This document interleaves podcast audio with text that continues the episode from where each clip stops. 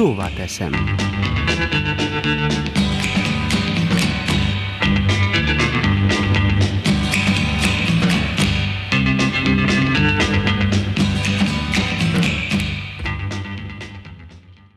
Köszöntöm a kedves hallgatókat!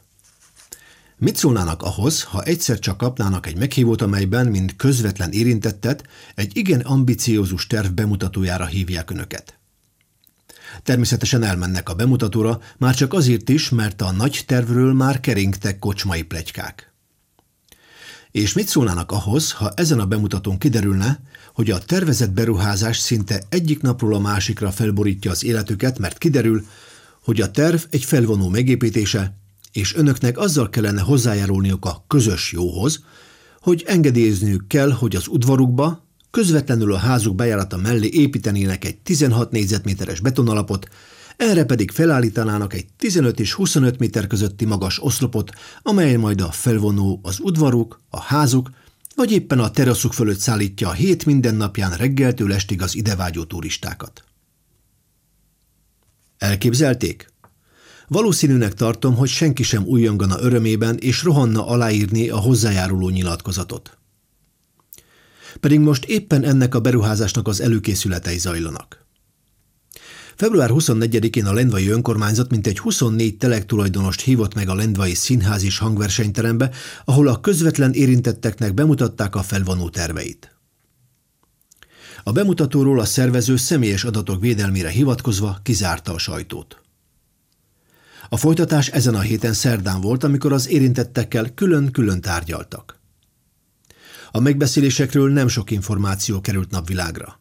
Akik beszéltek róla, felháborodásuknak adtak hangot, mondván, a beruházással nem értenek egyet, teljesen elértéktelenedik az ingatlanuk. Emellett, ha naponta emberek százai utaznak el a fejük felett, sérül a magánéletük is, amit a szlovén alkotmány 35. cikkeje védelmez. Idézem. Az alkotmány védi az ember testi és lelki épségének, magánéletének, valamint személyiségi jogainak sérthetetlenségét. Idézet vége. Az érintettek beleegyezési nélkül nincs beruházás. De minek ez a nagy titkolózás? Olyannyira titok kövezi a projektet, hogy információim szerint még a községi tanács tagjainak sem mutatták be a részletes terveket, pedig a költségvetést, amely ezt is tartalmazta, megszavazták. Még a hegyi helyi közösség elnökét sem tartották méltónak meghívni a bemutatóra. Pedig egy ekkora beruházás esetén, amely alapjaiban változtatja meg az ott élő emberek életkörülményeit, jelzem rosszabbra, a lehető legszélesebb konszenzusra kellene törekedni, nem csak a 24 telek, illetve épülettulajdonos kellene, hogy döntsön. Ha adódik lehetőség több mint 7 millió eurós uniós támogatást Lendva idegenforgalmába befektetni, el lehetne gondolkodni a népszerű szórt szovás szálloda bővítésének hathatós támogatásán, amelyel egyben a hazai vállalkozókat is segítenék, továbbá a jelenleg rendkívül szerény éttermi férőhelyek növelésén, a megtisztított szennyvíz megfelelő elvezetésén, hogy az ne az útra, a gyalogosok lába alatt folyjon le a városba. De ebből az összegből biztosan futna a vinárium kilátóig egy teljesen új útszakaszra is, amely valóban tehermentesíteni a hegyi utakat.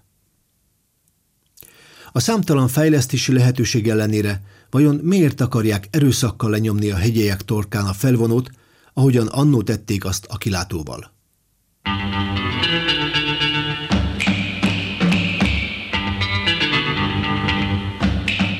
Szóvá teszem.